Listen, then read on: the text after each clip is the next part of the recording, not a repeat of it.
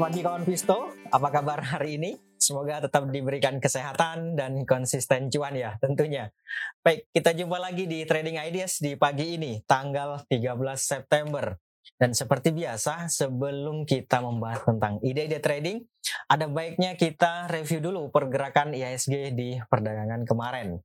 Ya, kemarin indeksnya mampu ditutup menguat, berada di level 7254 sebenarnya sih penguatannya tipis atau menguat sebanyak 11 poin saja gitu ya.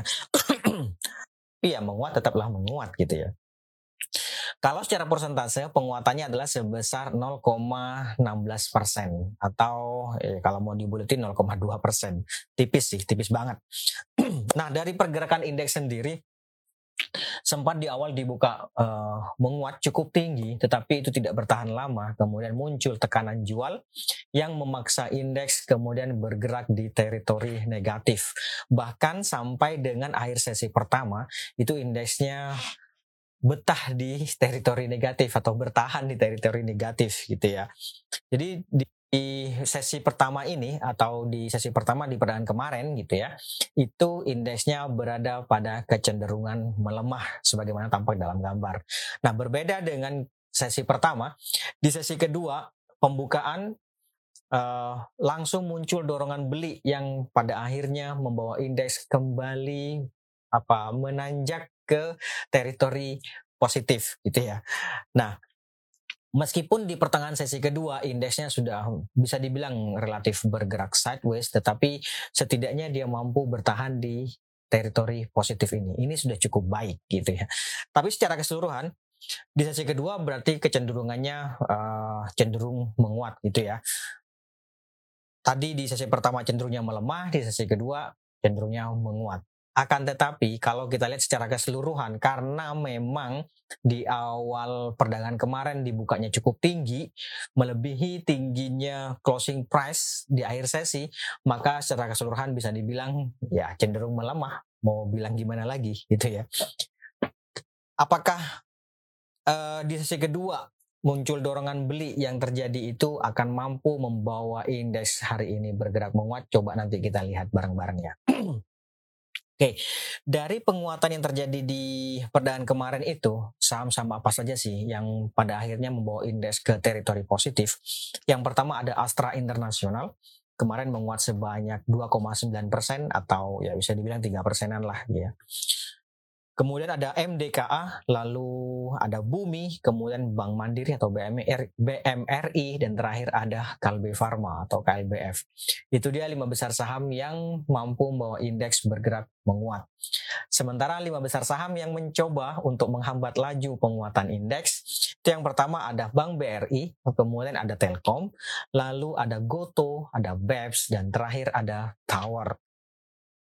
Itu dia lima besar saham yang mencoba untuk menghambat laju penguatan indeks. Bagaimana dengan transaksi asing? Ya, di perdagangan kemarin asing sendiri mencatatkan kembali net buy yaitu sebanyak 900 eh, sorry 829. Ini banyak sih. Banyak lah ya. Pokoknya di atas di atas 500 bio itu banyak. Kalau satu triliun banyak banget gitu ya. Nah, kalau kita rinci di pasar reguler sendiri, asingnya itu mencatatkan net buy juga sebanyak 676 bio. Ini juga banyak. Kemudian di pasar non reguler asingnya juga mencatatkan net buy sebanyak 153 bio sehingga kalau di total menjadi 829 bio. Itu ya itu untuk net buy asing. Kemudian uh, dari net buy asing yang terjadi di pasar reguler itu saham-saham apa saja sih yang banyak dibeli uh, oleh asing? Ya, lima besar saham yang banyak dibeli oleh asing. Yang pertama ada Bank Mandiri, kemudian ada Astra Internasional, lalu ada Merdeka Copper Gold, kemudian ada Bank BNI dan terakhir ada Bank BCA. Itu dia lima besar saham yang banyak dibeli oleh asing. Termasuk juga ada AMRT dan Go Goto. Goto juga pada pada perdagangan kemarin juga termasuk salah satu yang banyak dibeli oleh asing. Tapi dia masuknya ke 10 besar. Ya. Kemudian sebaliknya, lima besar saham yang banyak dijual oleh asing. Yang pertama ada Bank BRI, kemudian ada Telkom, lalu ada Pegas, ada Antam, kemudian yang terakhir ada Indi. Itu dia lima besar saham yang banyak dijual oleh uh, asing. Termasuk ada Bumi juga sih, ada Teens, BTN gitu ya, 10 besar sih, tapi masuknya. Baik, itu dia transaksi asing di perdagangan kemarin. Bagaimana outlook hari ini? Ya, kita beralih ke sini. Ya, kalau melihat ini, oh, sebentar saya gedein dulu ya. Nah, gini deh. Sebagaimana tadi saya sampaikan bahwa sempat bergerak melemah, tetapi kemudian di akhir-akhir sesi dia mampu ditutup menguat atau berada di teritori positif. Dan saya pikir uh, kemampuan indeks untuk bertahan di atas 7200 ini memberikan peluang sih untuk berlanjut menguat. Tetapi sekali lagi penguatannya menurut saya sih masih ter, masih cenderung terbatas, yaitu di resistance level yang ada di sini nih kawan, 7295. Jadi hari ini sih memang diperkirakan masih akan kembali bergerak fluktuatif, bisa jadi seperti kemarin. Di awalnya dibuka menguat, kemudian dia bergerak melemah, lalu muncul dorongan beli kembali yang pada akhirnya membawa indeks bergerak uh, di teritori positif kembali, nah, kayak gitu-gitulah pokoknya gitu. Jadi diperkirakan hari ini akan kembali bergerak fluktuatif, tapi dengan kecenderungannya menguat terbatas. Ring pergerakan masih sama, yaitu di 7.200 sampai dengan 7.295 atau 7.100an lah di level-level situ. Itu ya.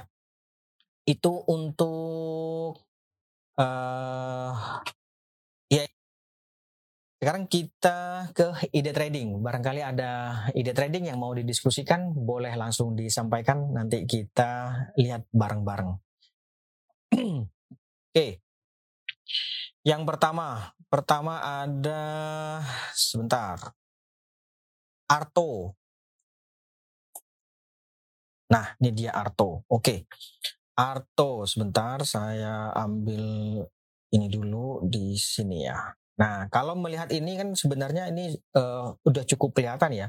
Ini kan dia mencoba untuk bertahan di atas support level yang ada di sini nih. Ini berapa nih? 7.500. Maka dari sini sudah kelihatan idealnya buy on weakness gitu ya 7.500 di level-level situ atau nih kita lihat bagaimana uh, uh, apa namanya uh, short to mediumnya atau view jangka uh, lebih panjang lagi. Ya kurang lebih sama sih ini dia. Buy on witness. Gitu ya. Pelemahan di bawah ini saya pikir akan ada potensi untuk uji support berikutnya yaitu ada di 6.600 sampai uji di sini kawan. 6200. Tapi menurut saya sih untuk sampai dengan saat ini dia kan masih mencoba nih untuk bertahan di atas 7500. Jadi nggak ada salahnya sih spekulatif buy di 7500 itu juga sudah boleh gitu ya meskipun uh, tidak cukup ideal atau strategi yang kedua adalah nunggu munculnya dorongan beli yang dapat memberikan peluang untuk bergerak uh, apa namanya setidaknya ada indikasi reversal.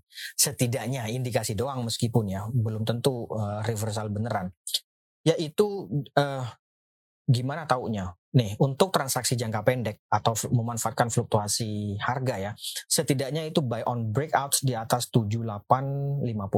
Misalnya hari ini dia bergerak menguat di atas 7850, boleh dipertimbangkan untuk uh, spekulatif buy atau ikutan masuk. Nanti target take profitnya nggak usah jauh-jauh, di sini cukup nih, 8150 atau 8200. 8150, 8200 boleh dipertimbangkan di level-level itu take profitnya. Nah, nanti kalau misalnya ternyata naik nih di atas 8.200, ikutan lagi kita. Gitu ya. Kan hanya akan fluktuasi harga gitu ya. Jadi muncul dorongan beli. Kenapa enggak kita ikutan? Itu aja. Ya. Oke, itu untuk Arto. Kemudian berikutnya ada Raja. Nah, ini dia Raja.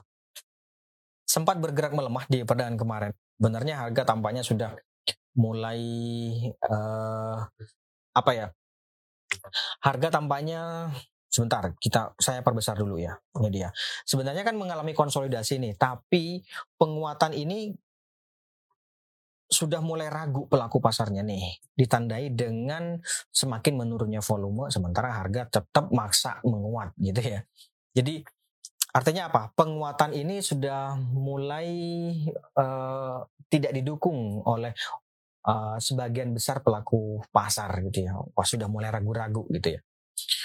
Nah, dengan seperti ini maka tentu ada baiknya dipertimbangkan untuk pasang trailing stop. Itu misalnya itu tadi kalau harga melemah di bawah sini nih, ini kan supportnya di sini nih 1150-an. Misalnya melemah di bawah itu nggak ada salahnya di take profit. Karena emang sudah sepekan ya sepekan terakhir dia terus bergerak menguat gitu ya. Oke, itu untuk uh, raja.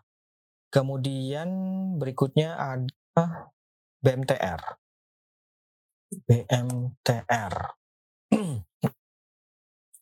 nah, oke, okay, BMTR sebenarnya dia masih melanjutkan konsolidasi. Kemarin sih mampu ditutup menguat 2 poin atau 4 rupiah gitu ya. Dan sempat juga kan uji resist di sini nih, yaitu 384 kembali sih masih di situ resistnya jadinya karena dia kan konsolidasi nih uh, kalau mau masuk gimana ya kalau melihat tekanan jual yang terjadi di akhir sesi, maka sebenarnya buy on weakness boleh dipertimbangkan di 368, 368 ke bawah lah gitu ya. 360 sampai 368 boleh dipertimbangkan di uh, level-level itu. Atau kalau misalnya hari ini dia bergerak menguat di atas 374 lagi, kemarin kan belum mampu nih di atas 374 meskipun sempat bergerak di 384 ya. Misalnya hari ini dia bergerak menguat lagi di atas 374 dengan dukungan volume yang cukup tinggi juga, maka bisa saja trading buy lagi. Ya uh, target take profitnya di sini doang nih, 384 aja, nggak usah jauh-jauh dulu. Gitu ya. Itu untuk BMTR. Tapi kalau bicara ideal, maka ini idealnya adalah buy on weakness. Oke, itu untuk BMTR. Kita lanjut. Ada karya atau kria. Nah, sudah dua hari terakhir dia mengalami tekanan jual. Bagi yang masih punya dia apalagi di harga IPO gitu misalnya, ya menurut saya sih nggak ada salahnya untuk take profit. Amankan keuntungan atau ya misalnya hari ini ini kan uh, supportnya 310 nih. Misalnya di bawah ini ya udah uh, amankan aja keuntungan. Nah, sebenarnya kemarin kan gini nih. Setelah ini kan supportnya di sini nih. Ya nggak sih? Di berapa ini? 340 atau 338. Harusnya kan uh, jualan nih di bawah ini gitu ya. Tapi misalnya kemarin kan 320 langsung langsung ARB ya kalau nggak salah ya. Nah, hari ini ya menurut saya sih ada baiknya uh, apa namanya dipertimbangkan take profit dulu, amankan keuntungan itu lebih menarik sih. Nanti kalau misalnya memang harga ternyata bergerak menguat sampai di atas setidaknya 344, ikutan lagi nggak apa-apa. Target take profitnya di berapa kalau menguat di atas 344, 366. 344, 366. Menarik ya. Oke, itu dia karya. Pokoknya kalau ada tarikan ya boleh uh, ikutan gitu. Nanti perhatikan uh, support resistnya di berapa gitu ya. Kalau dengan closing kemarin ini uh, resist terdekat itu ada di 330, kemudian di atasnya ada 338, lalu ada 344 gitu ya. Oke, itu untuk karya. Kita lanjut ada APLN. Nah, APLN kemarin spektakuler banget ya. Nih. Ya kan? Sayangnya dia muncul tekanan jual di akhir-akhir sesi ini. Sudah terbentuk long wet dan di akhir-akhir sesi muncul tekanan jual. Saya khawatir ini akan membawa harga mengalami koreksi. Itu.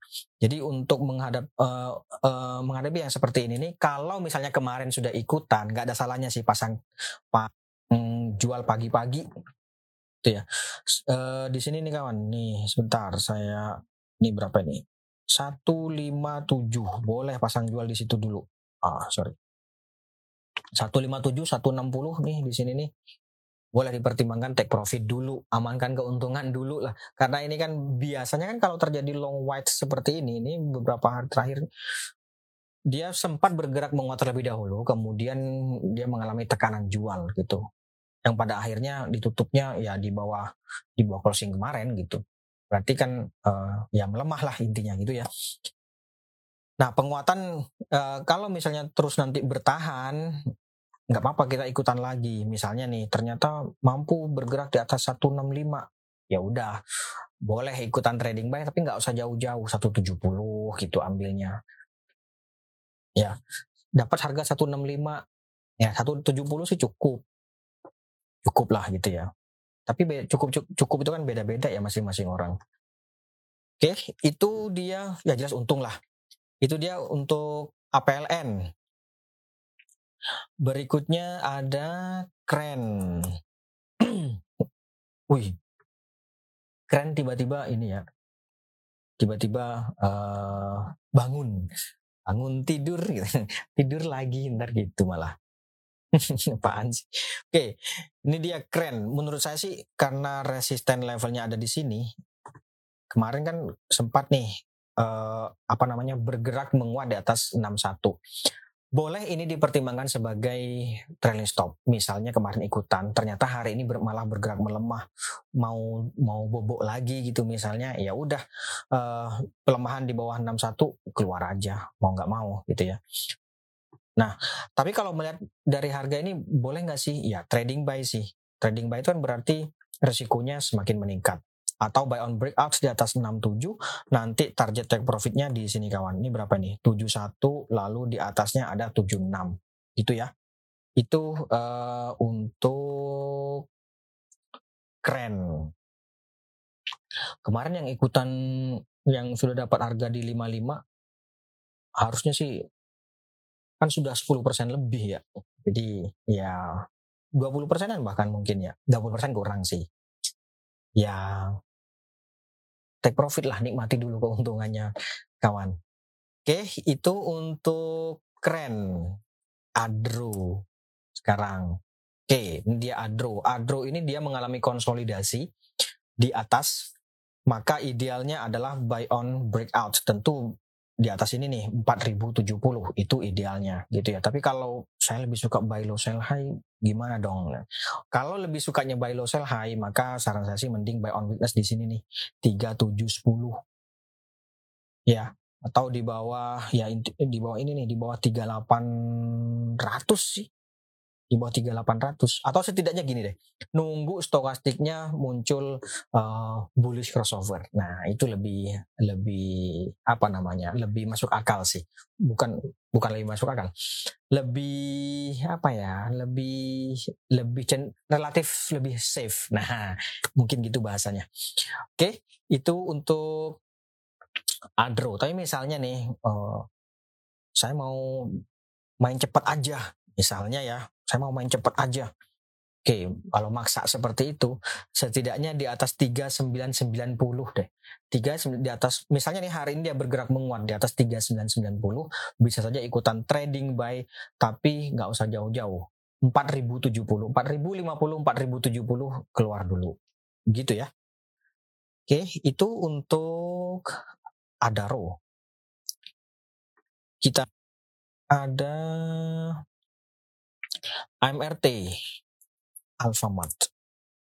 Nah, oke, okay, ini dia AMRT. AMRT kemarin sempat uh, bergerak menguat, mencoba untuk bergerak di atas ini nih 2180. Hanya saja kan belum mampu. Jadi AMRT kemarin sudah membentuk all time high. Ya kan? All time high hanya saja memang belum all time record.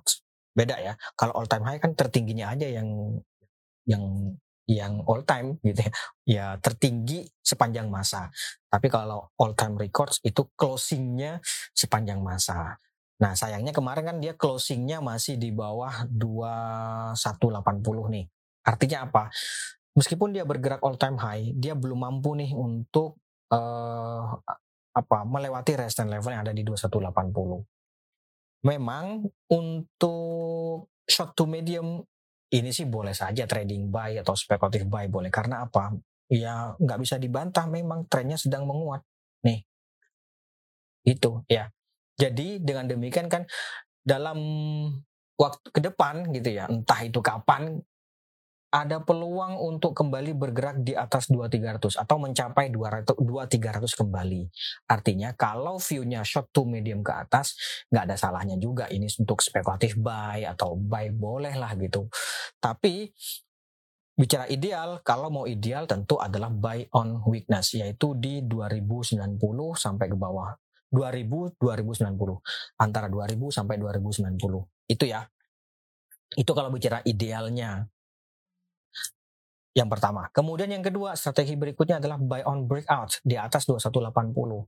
Misalnya hari ini ternyata dia kembali bergerak menguat di atas 2180, nggak ada salahnya juga spekulatif buy. Berarti kan dia ada usaha kembali untuk melewati resistance level di 2180 gitu ya. Nanti target take profitnya di berapa? Kalau dapat harga 2180 pasang 2300 tungguin di situ juga nggak ada masalah. Tapi tentunya tidak dalam waktu uh, pendek gitu ya. Mungkin perlu waktu yang agak lamaan lah gitu. Oke, itu untuk AMRT. Cukup menarik ini AMRT. Sekali lagi idealnya buy on weakness, tapi kalau misalnya harga bergerak menguat di atas 2180 boleh juga ikutan. Oke, kemudian berikutnya ada lagi tag. Tag. Oke, sebentar. Tag. Nah, wow, tag ini menarik sih. Ini bisa dibilang uh, three white soldiers, three white soldier meskipun tidak sempurna, ya kurang sempurna gitu. Tapi setidaknya ini dorongan beli yang muncul selama tiga hari terakhir ini eh, praktis menguasai jalannya uh, harga pergerakan harga. Jadi trading buy target take profit di sini nih 6750 boleh dipertimbangkan di level-level itu gitu ya. Kalau melihat ini wah cukup menarik sih. Ini kan golden cross. Ya enggak? Tuh. Asik ya. Ini golden cross, kemudian ini juga cenderung menguat dan white shoulder. Jadi trading buy oke okay lah gitu ya. Sekali lagi 6750 ini resistnya di sini 6750 kemudian di atasnya ada 7000 gitu. Oke, itu untuk tag. Kita lanjut. ada lagi Kalbe Pharma. Kalbe Pharma kemarin juga mampu ditutup menguat dan tampaknya nih sebentar. Uh, bentar ya, bentar, bentar. Bergerak menguat melewati resistance level ini. Ini bisa saja si trading buy. Ini berapa nih? 17.30 boleh saja si trading buy. Hanya saja kan kemudian dia kepentok resisten level berikutnya nih 17.50 which is itu kemarin. Ya buy on breakout lagi jatuhnya ya. Buy on breakout nanti targetnya di berapa ini? Sebentar saya lihat dulu. Ini di oh di sini nih. 8 1800 cukup menarik sih. Cukup menarik ya. Cukup menarik untuk uh, Kalbe Pharma uh, view-nya tentu tidak dalam waktu jangka pendek ya. Kenapa? Karena dia sudah bergerak menguat selama berapa nih sepekan terakhir. Kalaupun misalnya hari ini dia terjadi koreksi dan memaksa dia untuk kembali bergerak di bawah 17.30 ini sebenarnya sih masih oke-oke saja gitu ya. Jadi kemarin kan dia bergerak menguat di atas 17 uh, eh, ini nih 17.30 ya kan. Apakah ini confirm uh, break up maka hari ini sih menurut saya uh, ditentukan. Misalnya hari ini dia bergerak melemah di bawah 17.30 ya berarti uh, sayangnya hanya sementara doang. Tapi untuk ke depannya cukup menarik masih. Coba kita lihat bagaimana uh, ininya ya weekly-nya tuh. Weekly-nya masih oke okay sih. Jadi targetnya tadi 1800 sih paling deket itu. Di atasnya nanti ada 19 ya. Berapa ini? 1960 ya gitulah. Oke itu untuk Kalbe Pharma. Nih. Nah, ya. Oke itu untuk Kalbe Pharma. Kemudian kita lanjut. Berikutnya ada lagi Okas. Wih Okas. Ini dia nih Oke, Okas. Kemarin dia mengalami koreksi. Hari ini sih melihat tekanan jual yang terjadi di perdana kemarin ada potensi untuk kembali bergerak melemah ya. Karena pokoknya kalau dia dibukanya menguat terlebih dahulu, mending tunggu di bawah deh. Long white candle kemudian dibuka menguat terlebih dahulu, mending tunggu di bawah. Nah, seperti ini juga menurut saya sih, kalau bicara ideal, ini kan kemarin kan mengalami tekanan jual. Bicara ideal, maka ini buy on weakness di 180-an. 180 sampai 185 ya di situlah gitu ya pelemahan di bawah 180 ya mau nggak mau mesti amankan uh, modal terlebih dahulu gitu. Nanti target take profitnya di berapa? 200 itu level psikologis tentunya lah ya. Gini deh buy on weakness itu kan ideal ya 180 uh, ya di level-level 180 sampai 185 ya di level-level itulah buy on weaknessnya tapi kalau misalnya hari ini dia bergerak menguat sampai di atas 200 dengan dukungan volume yang cukup tinggi, maka nggak ada salahnya juga ikutan uh, spekulatif buy. Nanti target take profitnya di 212. 212 kemudian di atasnya ada 222. Udih. Uh, poker 222. Oke. Okay. Nah, itu dia untuk kita lanjut karena masih cukup banyak. BCA. BCA untuk uh, jangka pendek ini tentu idealnya adalah take profit terlebih dahulu gitu ya. Jadi untuk short term, untuk uh, transaksi jangka pendek memanfaatkan fluktuasi harga, maka idealnya ini adalah take profit terlebih dahulu.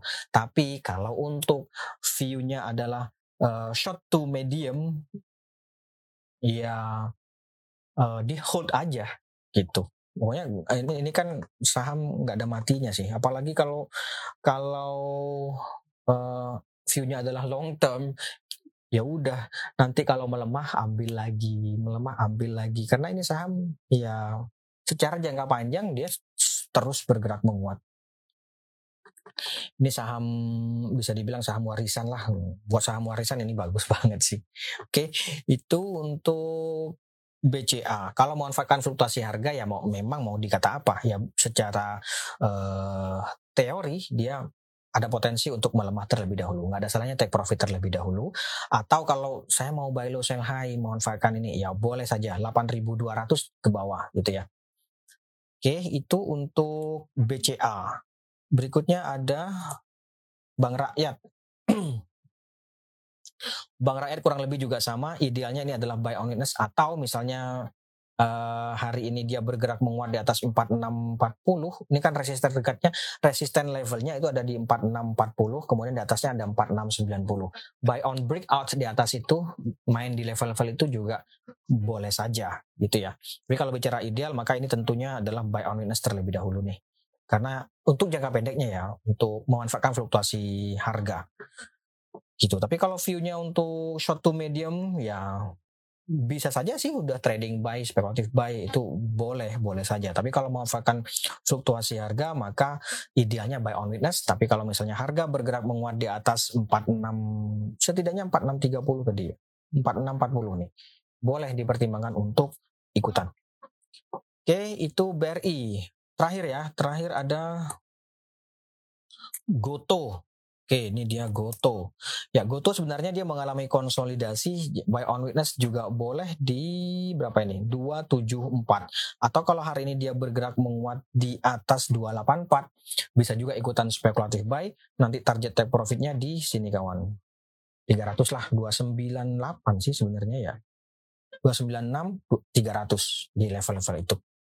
Oke, baik. Saya pikir itu dulu kawan Visto untuk hari ini. Terima kasih atas kehadiran dan partisipasinya. Kita jumpa lagi besok. Tetap jaga kesehatan. Mohon maaf jika ada salah kata. Sekali lagi terima kasih. Selamat pagi. Salam investasiku for better tomorrow. Investasiku.